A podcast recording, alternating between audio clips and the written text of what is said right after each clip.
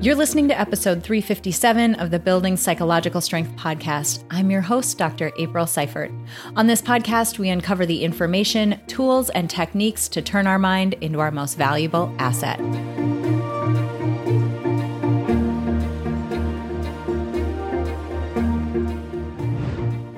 Hey everyone, welcome back to the podcast. I'm so thrilled to have you here, and I am especially thrilled to have you here for today's episode. We're diving into a topic that is very important given the situation and uh, world that we're all living in. You know, we've been through a lot. I, I feel like I say that almost every episode because you think back to the last, you know, handful of years, and it's not just the pandemic, it's everything that's happened politically, everything that's happened economically, societally. It's a lot. We've all gone through a lot. And, you know, I was chatting with Ashley Smith, Dr. Ashley, the uh, co founder of Mine in Peak Mind, and she was talking about how she is so incredibly busy. She was really busy through the entire summer. And it's not common for her, you know, back to school time for what she does. She does anxiety counseling and she's a, you know, a therapist who specializes in anxiety and other related things. Back to school time tends to be busy, but not in the summer. And I talked to other counselors and other therapists who had the same experience. They're just busy. And it's an indicator of where we're at as a society. We're just struggling. We're having a hard time. And it's amazing that we're reaching out. I mean, holy cow. Thankfully, you know, we have people to turn to like therapists and counselors and social workers that we can speak with. So, one thing I just want to say right out of the gate everybody should have a therapist that they can call up. Do the work to shop around and find somebody that you have rapport with, who seems to jive with you and understand you, who you feel comfortable with, because it makes it a lot easier to call that person in and work with that person when you're in a difficult situation, when you don't have to go seek them out and like search around for them. So, big tip that I have for all of you is just have somebody that you have an established relationship with. Even if it isn't a big thing that you need right now, because eventually you're going to need it. And it's so nice to have that person in your back pocket. Now, that being said, therapy and what we do inside a counseling or thera- therapist's office is only one way that we support mental health and well being. And I think we're all seeing that really clearly these days. So, today's topic is related to other ways we can support mental health and well being, and ways that we individually can impact the mental health and well being of other people around us. So, today we're talking about psychological safety. You hear this topic talked about a lot in corporate settings, in team settings, sometimes in like close relationships. So, when we're talking about romantic relationships, you hear this topic talked about a lot there as well. And basically, the importance of us cultivating an environment inside those relationships, whether it's a professional team or an interpersonal relationship with a friend or a family member or a loved one, where we feel safe in having disagreements you know, expressing our needs, setting boundaries, failing, where we feel like that is something that we can do without experiencing retaliation.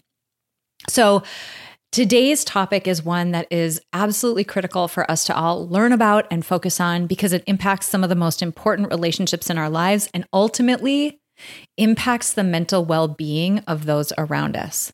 So today we're speaking with Stefan Wiedner. He's a, psych- a psychological safety expert whose career has focused on developing sustainable high performance leaders, teams, and organizations. He has a passion for unleashing the collective potential of people, and that has led him to co-found Noomii.com, the web's largest network of independent life coaches, Skillsetter.com, the Deliberate Practice platform for interpersonal skills, and Zarango.com, the psychological safety training experts.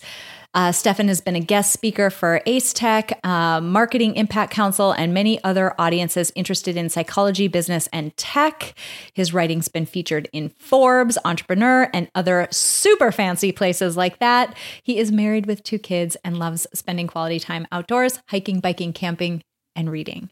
I loved this conversation with him because we spoke so much about the practicalities of cultivating an environment of psychological safety and also how you might be able to do that even if you're the type of person who quote hates conflict. This episode is definitely for you. That's enough blah blah for me. I'm so excited for you all to meet Stefan Wiedner. Let's roll that episode.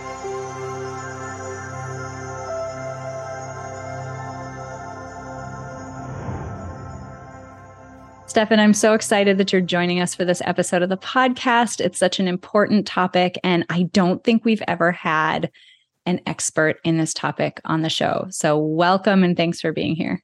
April, thanks for having me. It's uh, an honor. I appreciate it. You know, it's funny because I was looking through my notes and the stuff that you submitted to prep for this episode. And I just kept thinking to myself that your topic of psychological safety, especially in the context of where we're at professionally as a society, the challenges that we've all faced recently, it feels like we're probably very overdue for having this conversation. Would you agree with that? I definitely think so. I think there's been a bit of a wave of I wouldn't say quite excitement or it's this topic is certainly starting to hit the shore, if you will, like a tsunami. I think more and more people are interested in the topic and see it as fundamental to the success of their organization or their team, etc. Um, so yeah, absolutely.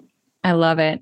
Can you give us a good foundation? I mean, I, I, feel like we hear the words psychological safety a lot, and especially in like a corporate environment, you hear employers, you know, wanting to know how to generate a culture or create a culture of psychological safety and whatever it is. But I don't think many of us have a very good working definition of what that is and how like what it actually means in our in our lives so can you give us a good foundation of what psych safety is and and how it sort of manifests in our lives Sure. I'll start with the definition that is provided by Amy Edmondson. So she's a Harvard professor. She's been studying this topic for well over 20 years. And her definition is that psychological safety is a belief that within your team, you can speak up, say what's on your mind, express concerns, admit errors without the fear of reprimand. Mm. And and so I'll say that again. It's a belief that within your team you can speak up, say what's on your mind without the fear of reprimand. That's and, really great. I think it's worthwhile to pause and ask the audience how many of you actually feel like that right now? Like, if you had to be honest, you don't have to go tell your boss one way or the other, but if you were being honest, do you actually feel that way about your professional life, your your closest relationships? Like, holy cow. Well, what's interesting about it is that it is a team-based construct. And so within an organization, many leaders are, you know, you're, let's say you're the leader of the management or marketing team. So you're in a marketing team, you have direct reports, but you also are part of a management team and where you have more peers. Well, you might feel psychological safety within your own group, but maybe not within a, another group. Or maybe you're in multiple teams, right? Maybe you're, I think everybody can relate to that as well, where there's certain environments where you feel wow, this is a, a healthy, comfortable environment. I feel like I can really bring my best self. And then others where maybe you don't. And I think oftentimes we're not even really sure why that is. It just, we just get that feeling this environment is healthy, this environment maybe not so much. And I don't even know why. Yeah. It's that intangible aspect of it. And you you highlighted the word belief when you were giving that definition. Can you talk a little bit about that? Because um, it's important, I think, when we think about it being a construct that's sort of shared among people, because there's one side of it where you may think one way, but that doesn't necessarily mean that other person believes the same thing. So, can you dive in a little bit on the belief side of this and how that might influence ultimately how a team or an environment feels in terms of its level of psychological safety?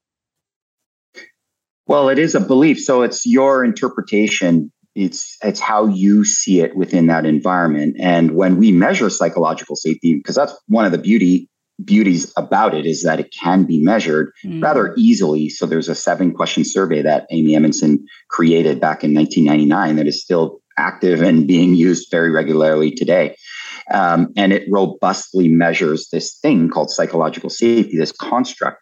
And when you assess a team, you're going to get a variety of scores. So some people will evaluate and perceive psychological safety as rather low. So that's their belief. They believe in that moment that it's low, and others will think it to be higher and you get gradients. And so often when we're assessing psychological safety, we as uh, the facilitators get to see all of the details. We get to see all of the scores, and what we share with the teams is just the variability. And what we're hoping for is maybe psychological safety is not super high, maybe it's not super low, it's in the middle, but there's a big difference between the uh, it being say an average score of 75 out of 100 but everybody agrees that it's around that score mm. versus you have a, a, handful of people who think it's 100 and a handful of people who think it's 50 and so that might mean you have kind of this bimodal distribution where half of the people think i love I love this team. It's awesome. And then you have some other people who are maybe on the outs. You know, there's like a maybe there's a an old school group of people who've been in the team for a long time, so they feel really comfortable. And then there's the newer people, or maybe it's people that are different based on age or different based on whatever other factors might be contributing to the sense of psychological safety. So it's not completely uniform within a team. I love that. I want to I always feel like I need to to, you know, use my blinker and let a guest know when I'm about to sort of take a side path because I think it's an important one. You know, we're talking a lot about these interpersonal pieces and a lot of what impacts beliefs and you hit it right with that last comment is our beliefs are impacted by what we individually bring to the table in terms of our past experiences with people or situations, environments that may smell similar to the one that we're in right now, right? They may resemble them. And when you think about, you know, that example you gave where maybe some people are doing well and think that it's a very safe, open environment and others don't, I'm curious if you can talk a little bit about the impact of like um you know, so like systemic racism or it's like social constructs being one thing, but also, so that's kind of on like a macro scale. But then on a micro scale, I can imagine that things like um, just a person's upbringing and their ability to be trusting in the world could impact the degree to which they could go into any group and feel like they can be authentic. So there's kind of like a macro micro thing there, but I'm wondering if you can just talk a little bit about how that might affect how a person on your team may have a very different perception of the safety of that team. Oh, that is a, that it's is a, a tough question. question. I know, I it's feel a big intimidated. Question. Oh my goodness. Um, what I do know about psychological safety is when you assess it, like I said, there's seven questions. And one of those questions is it's not really a question, it's more of a you want to have people answer how true the statement feels for them. So people on this to, uh, the first one of them is people on this team always accept others for being different. Mm. And so that to me points to diversity and inclusivity and recognizing that people are different. And there's another question relating to diversity and inclusion out of the seven, which is my unique skills and talents are valued and utilized by members of this team. Yeah. So, isn't that incredible? We're talking about psychological safety, and yet two out of seven questions are almost directly related to how someone shows up and feels different and unique and appreciated within their team. And so, for um, the growing number of teams that are out there that are multicultural, multi geographic, right? We have all these remote teams now. My team, I have someone in Australia, I have someone on the East Coast, someone on the West Coast, and and they have different ethnic backgrounds and so on. We want to embrace all of the differences so that everybody who's showing up at work can feel like they can bring their best selves. Now, you were asking a question, April, about people who perhaps have felt marginalized their whole lives mm-hmm. and their experience within the team will be shaped by those previous experiences.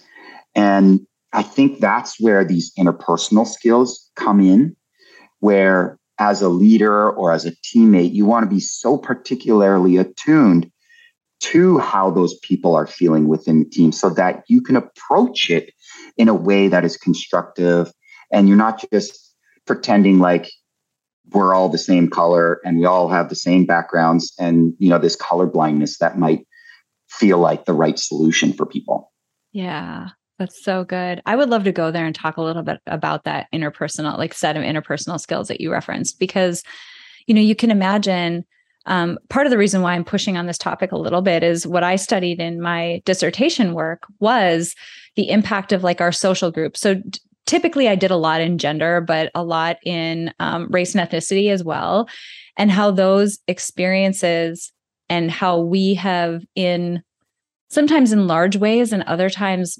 more often even in subtle ways how we've been treated and welcomed into or sometimes in like marginalized in certain circumstances. It just impacts the way that we interact in really any relationship going forward.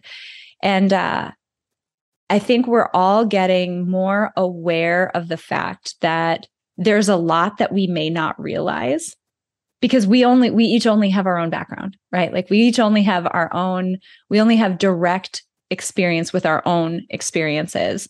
So that does point to to your point a set of interpersonal skills that allow us to maybe expand beyond what we've directly experienced and be a little bit more open to what other people might be bringing to the table. So can you talk a little bit about what that set of interpersonal skills is how it helps cultivate psychological safety Sure. Maybe I'll start with a little bit of the science that has informed our work and then try to make it a little bit more practical. I don't want yeah. to bore people with, you know, the academic research, but I'm confident I won't be able to do that because I'm not really an academic or researcher myself. I, I appreciate it. yeah.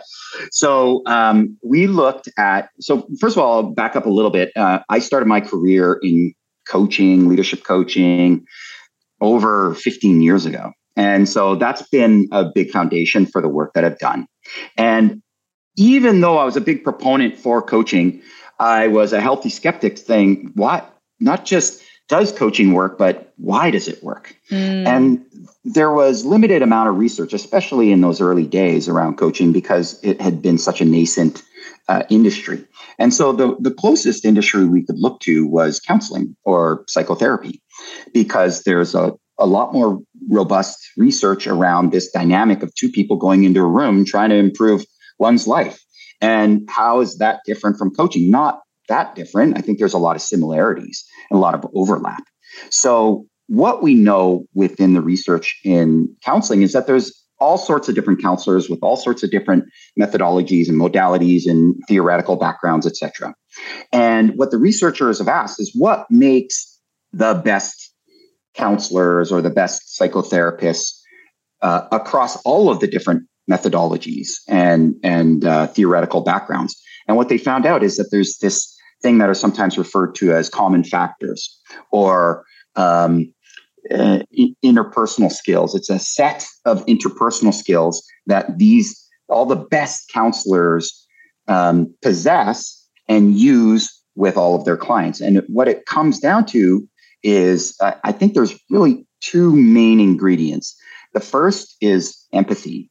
Mm. And it's mm. easy to be empathetic when the person across the table looks like you, smells mm-hmm. like you, talks like you, has a background like you. And it's a lot different when that person is significantly different and also is maybe making choices and decisions that you don't necessarily agree with and yet you still have to demonstrate empathy. It's that willingness and desire to put yourself in the other person's shoes. Mm. And then the second is interpersonal, what we call interpersonal responsiveness. So it's when there's some sort of a rupture threatening the alliance between the two people in the room, you can approach it in a constructive way and you're not necessarily just getting defensive or pretending like it didn't happen.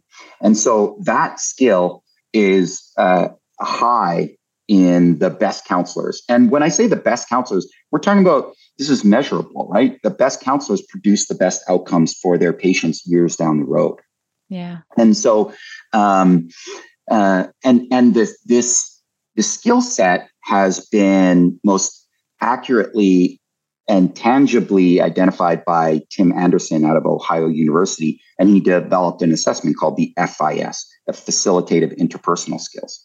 And so, what he was able to do is do some thin slicing. He demonstrated challenging interpersonal moments in counseling and therapy to students who were going into counseling programs. Mm. He had them record a re- video response. So he said, Watch this challenging moment and then respond the way you think is most appropriate for the situation.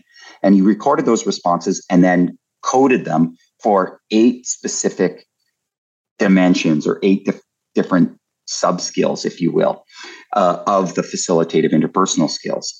And so he was able to tangibly identify people who had these skills, a very high level of these skills and low level of the skills. And it predicted outcomes years later with real live patients. Wow. So that's pretty cool. Like the fact that you can take, say, four minutes of video and have that predict how someone's going to perform years down the road with real live patients and clients. That's fascinating to me. Yeah, that's incredible. Okay, so you said um, empathy was that first one. And then tell me again what the second one was. I want to make sure we have this like rock solid in our mind because this is so important. Yeah, it's interpersonal responsiveness, or it's also known as alliance rupture repair responsiveness, which is maybe a little bit more tangible alliance rupture repair responsiveness. Interesting. I mean, and it's another one of those points where you just want to pause and think about putting yourself in a difficult interpersonal situation, how have I responded in the past? Like, how, because no one's comfortable, right? Let's just say it outright. Like, no one feels great in those situations. So, when you're put in a situation where you do feel that, like, ugh, level of discomfort interpersonally, how have you reacted?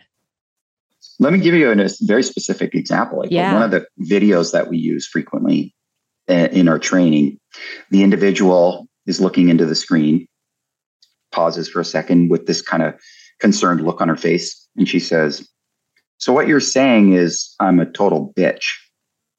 Ooh. So, you're the counselor. How do you respond to that? Right. Right. You can see the visceral response like, Ooh, I didn't say that. You know, you might go into defensive mode. Yeah right? And so to maintain empathy in that moment when some other person is accusing you of calling them a bitch, how do you respond in a productive manner? So that's that interpersonal responsiveness I'm talking about. There's a rupture there. Yes. The, the rupture is someone accusing you in that manner. And how do you respond? And so a poor response in that particular situation is one that becomes incredibly dis, uh, defensive. Yeah. No, no, no, no, that's not what I was saying. Uh, you know that that sense of I have to defend myself. You're you're losing your empathy because you're you're falling into your own story, as opposed to saying, "I'm sorry you feel that way. You, I'm sorry you feel that I'm calling you a bitch," and and then so demonstrating some empathy and then being able to respond more productively. Let's talk about that a little bit more. Tell me a little bit more about what prompted you to say that. Hmm. Yeah. Well, and what is in what is embedded in that call it better, more adaptive response that you just said is this degree to which you're sort of subtly telling the other person, I believe you that that's the impression that you have. Like, I believe that something about this felt that way. You know, you're not telling them, I don't believe you, prove it. And that right there ties so much back to what we've talked about a few moments ago, where if you have someone with a different background, you're not asking them to justify or prove or, you know, whatever, rationalize why they might feel the way they do. It's just a general understanding that no, we're going to believe people when they come and say that something is difficult or that they're um, not getting along well in a particular situation. That that's valid in and of itself, and let's understand why. But you don't have to prove to me that you have that feeling. And I think that in in and of itself is a gift to give people in interpersonal situations that I, I believe you like you're valid in your feelings and in your interpretation that doesn't mean we can't work to be in a better position, but you're valid. Yeah. Very good point, April. And and what we often say just internally is we talk about wanting to seek understanding before yes. being understood. And with a lot of the training that we offer, I think one of the constructs that we have to get really clear for people is that desire to seek understanding and say, your perspective is valid, not trying to invalidate it, not trying to prove it, get force that other person to prove it to you, is uh, uh, like you said, a gift. And I don't have to necessarily agree with everything you say. Yeah. Right? It's just, I just have to understand it. There just has to be room for your reality to exist in the space that we're working in. And and and I don't have to necessarily agree with everything. And you don't have to agree with everything I say or in all of my experiences either. Mm-hmm. Yeah. I can see it's interesting. I can see where this would be so applicable.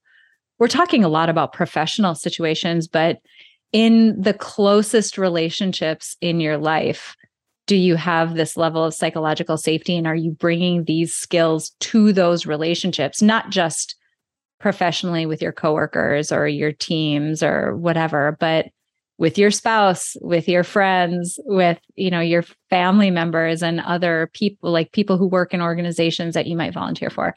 Um, I can see where that same empathy and then working to sort of repair would be so critical in just every relationship that we have.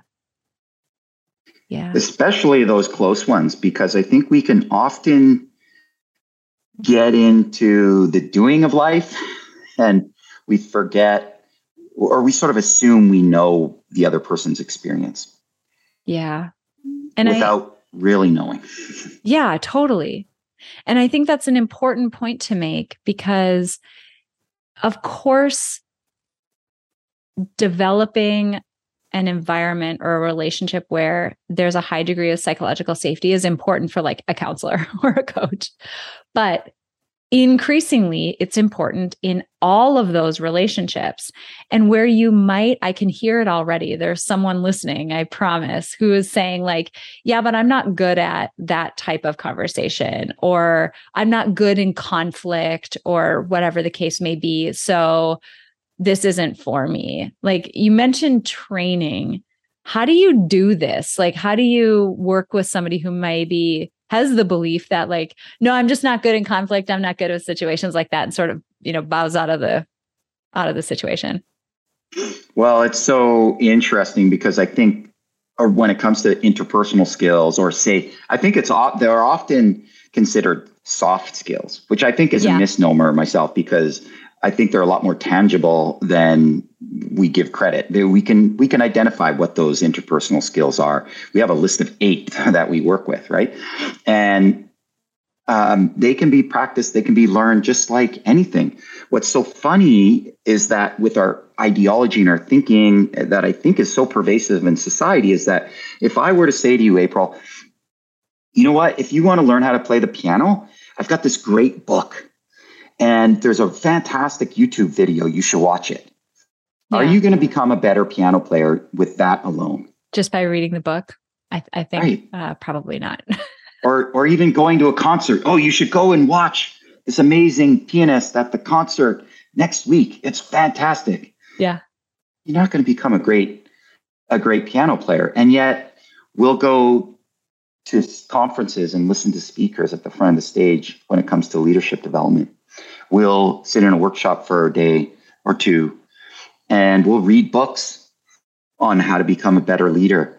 And yet we don't take the same principles of deliberate practice into a, a domain such as leadership, such as interpersonal skills, such as how we communicate with other people. And mm-hmm. yet we can.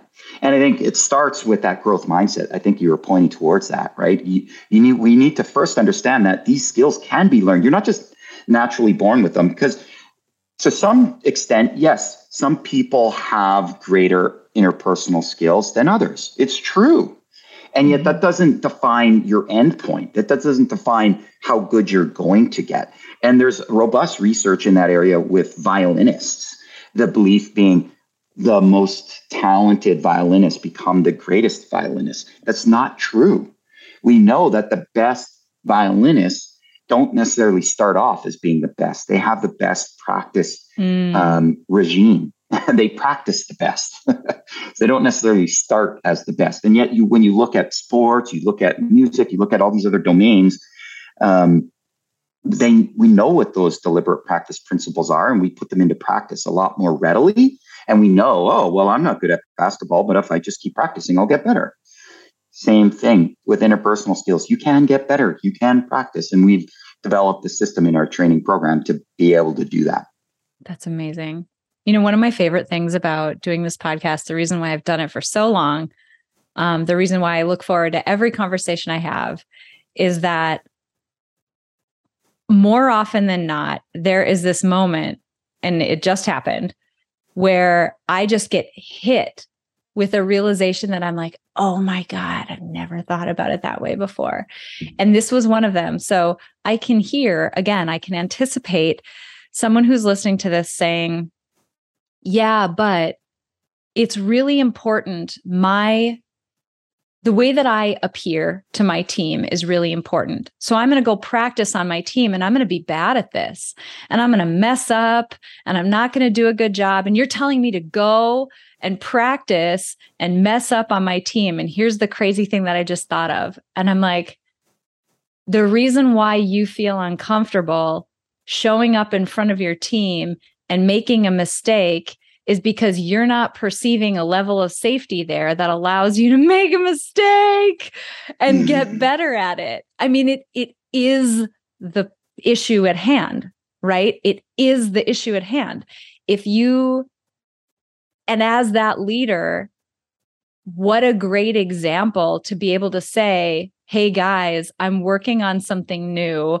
It's not something that historically I've had a lot of experience in. I'm going to fall on my face a few times. You are invited to help me grow in this space.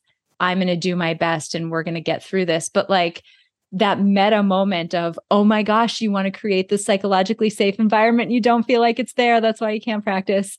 It was just awesome. The way that you described it, it was just a really cool realization that I had never thought about in this space. Yeah, that's so awesome. Setting the stage is so key. So, especially if you're the leader, you get to set the stage for how you interpret failure, how failure is approached within your team. That is so amazing, right? To be able to say, I'm going to make mistakes. I'm the leader. And to be able to demonstrate vulnerability. I'm not perfect. I don't have all the answers. I'm working on X, Y, or Z. That is so critical as a leader.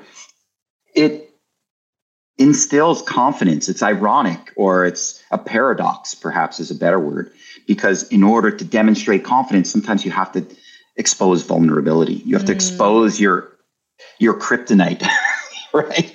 Well, this is my kryptonite. I'm not good at this. I'm working on it. I want to get better. And in, and maybe there's even one step further besides setting the stage, which is asking for specific input.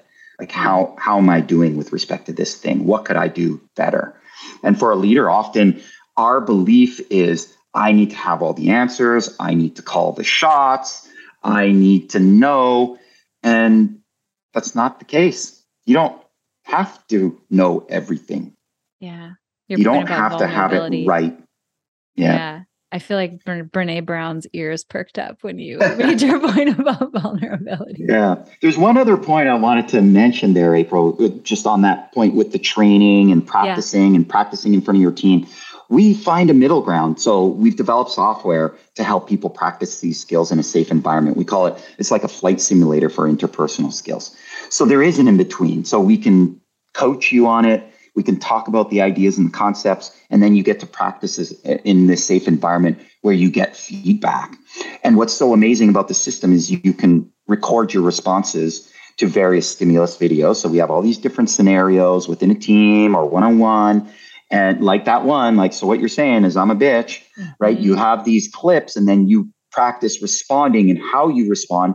And then you get feedback and you're getting feedback usually on one specific skill. So it's the skill of receiving feedback or giving feedback or asking an open-ended question, et cetera. Like these are the, the fundamental skills that everybody needs to learn and you get to practice them one at a time, just the way you would sports, right? You don't just say, all right, go play a basketball game. No, you learn how to dribble, you learn how to shoot, you learn how to pass.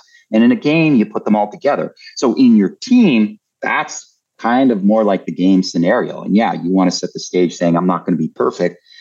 But you've also done this practice in this safe space and you've received feedback and then you've tried new things. So going into your team, you're not feeling totally vulnerable. There is some yeah. safety there, right?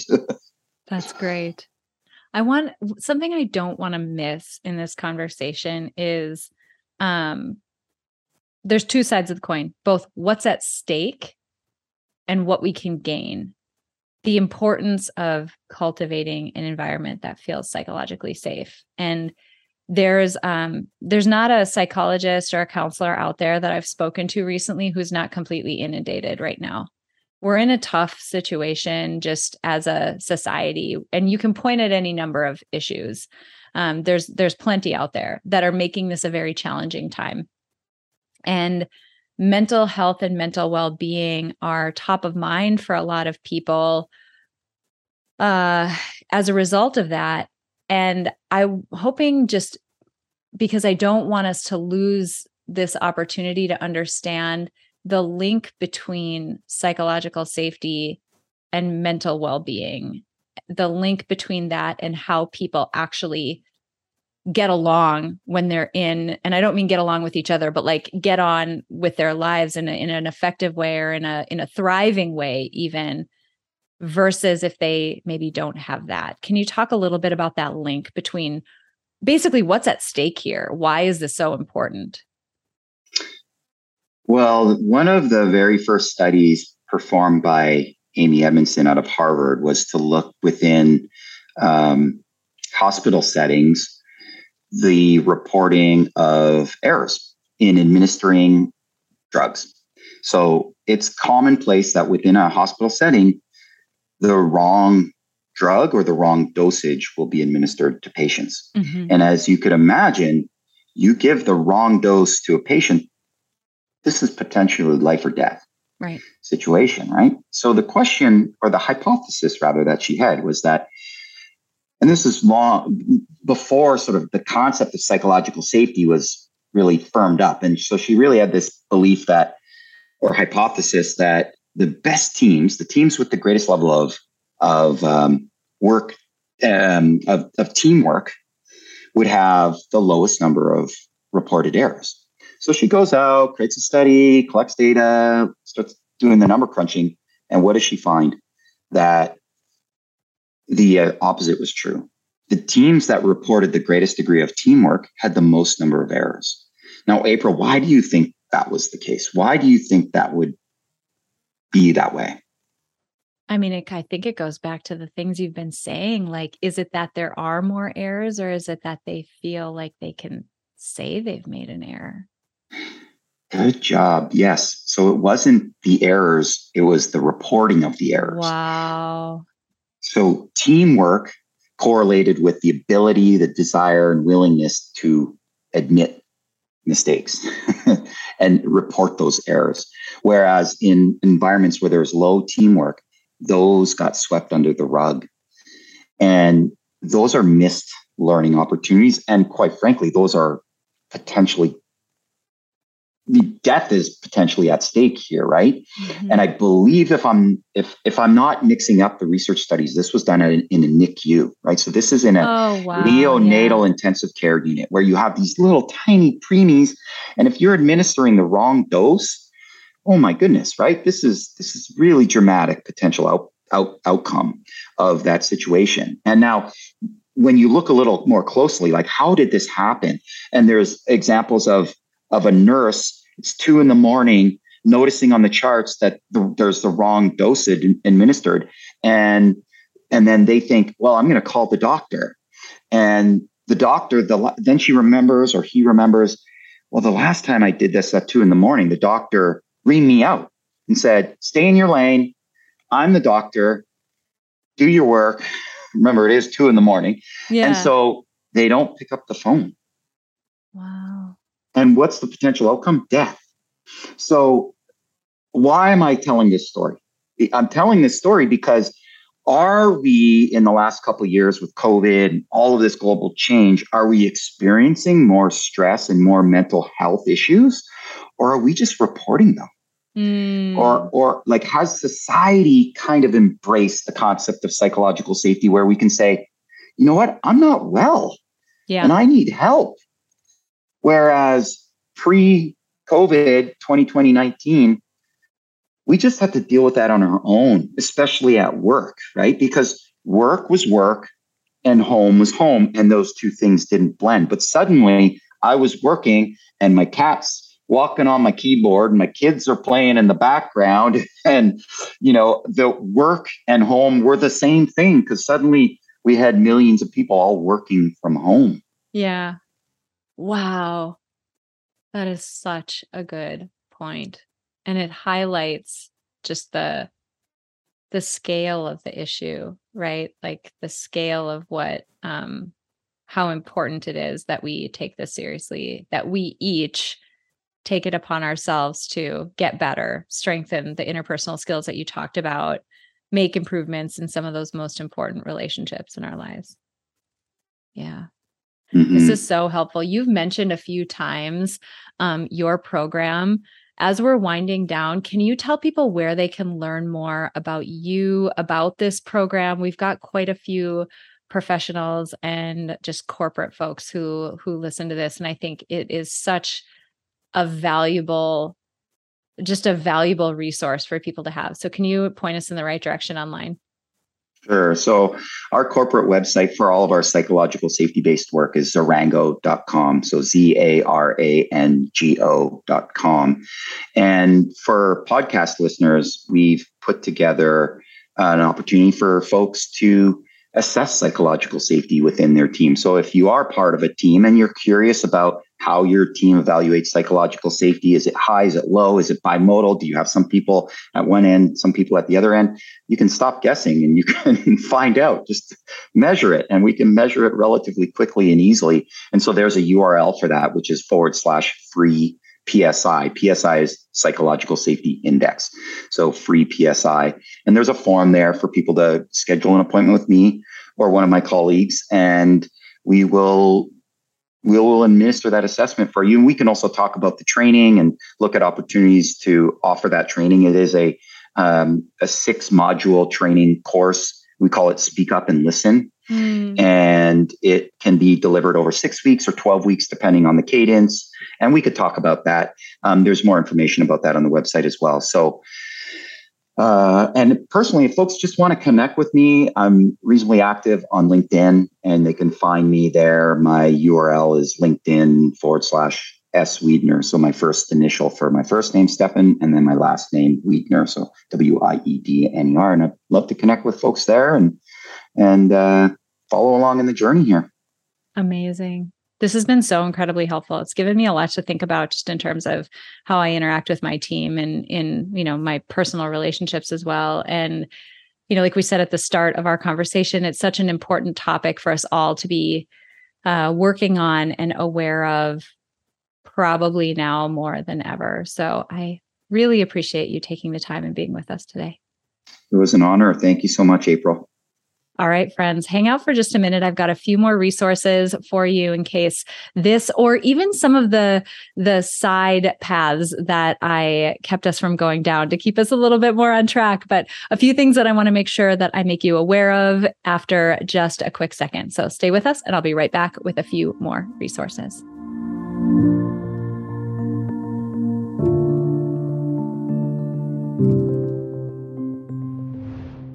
All right, you guys, I really hope you enjoyed that conversation with Stefan Wiedner.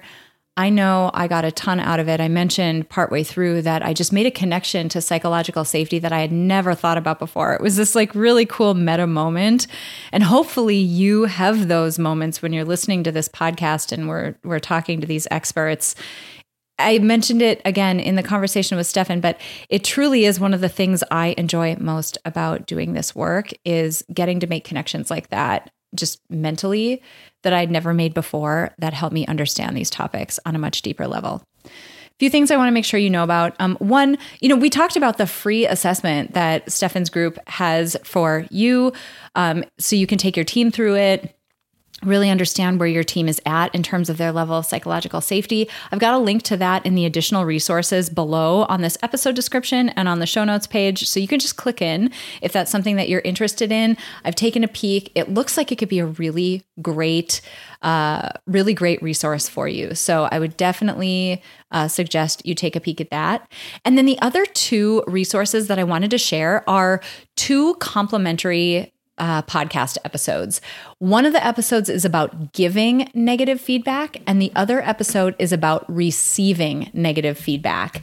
And I love these two episodes because they make you think about, you know, Stefan and I talked about some of those difficult interpersonal situations, you know, like the con- conflict ones that we all just hate and don't want to be in.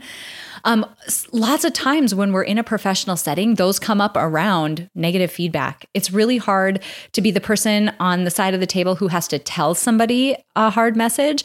And it's really hard to be on the receiving end of that.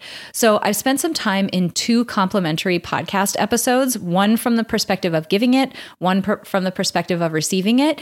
And we lean really hard on emotional intelligence and empathy. And that's why I wanted to connect it to this week's episode because empathy was such a key piece in psychological safety that I this is almost like the double click into it, right? Psychological safety is a much broader topic. How do we create a team experience, uh, excuse me, that is how do we create a team experience that is uh, safe for us to show up as our true selves and stumble and fall. But then the double click into that is when something does go wrong or when we do have a hard message to deliver, how do we do that more effectively? So excited to give you guys those two podcast episodes. They are also linked below in the additional resources.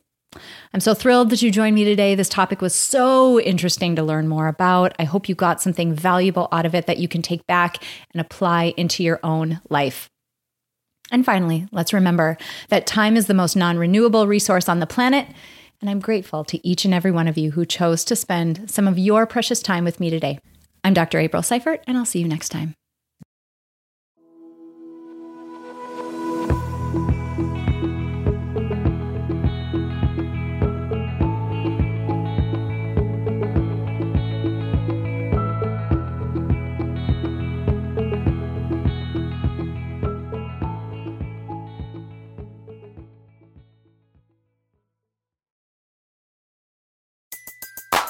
Everybody in your crew identifies as either Big Mac Burger, McNuggets, or McCrispy Sandwich.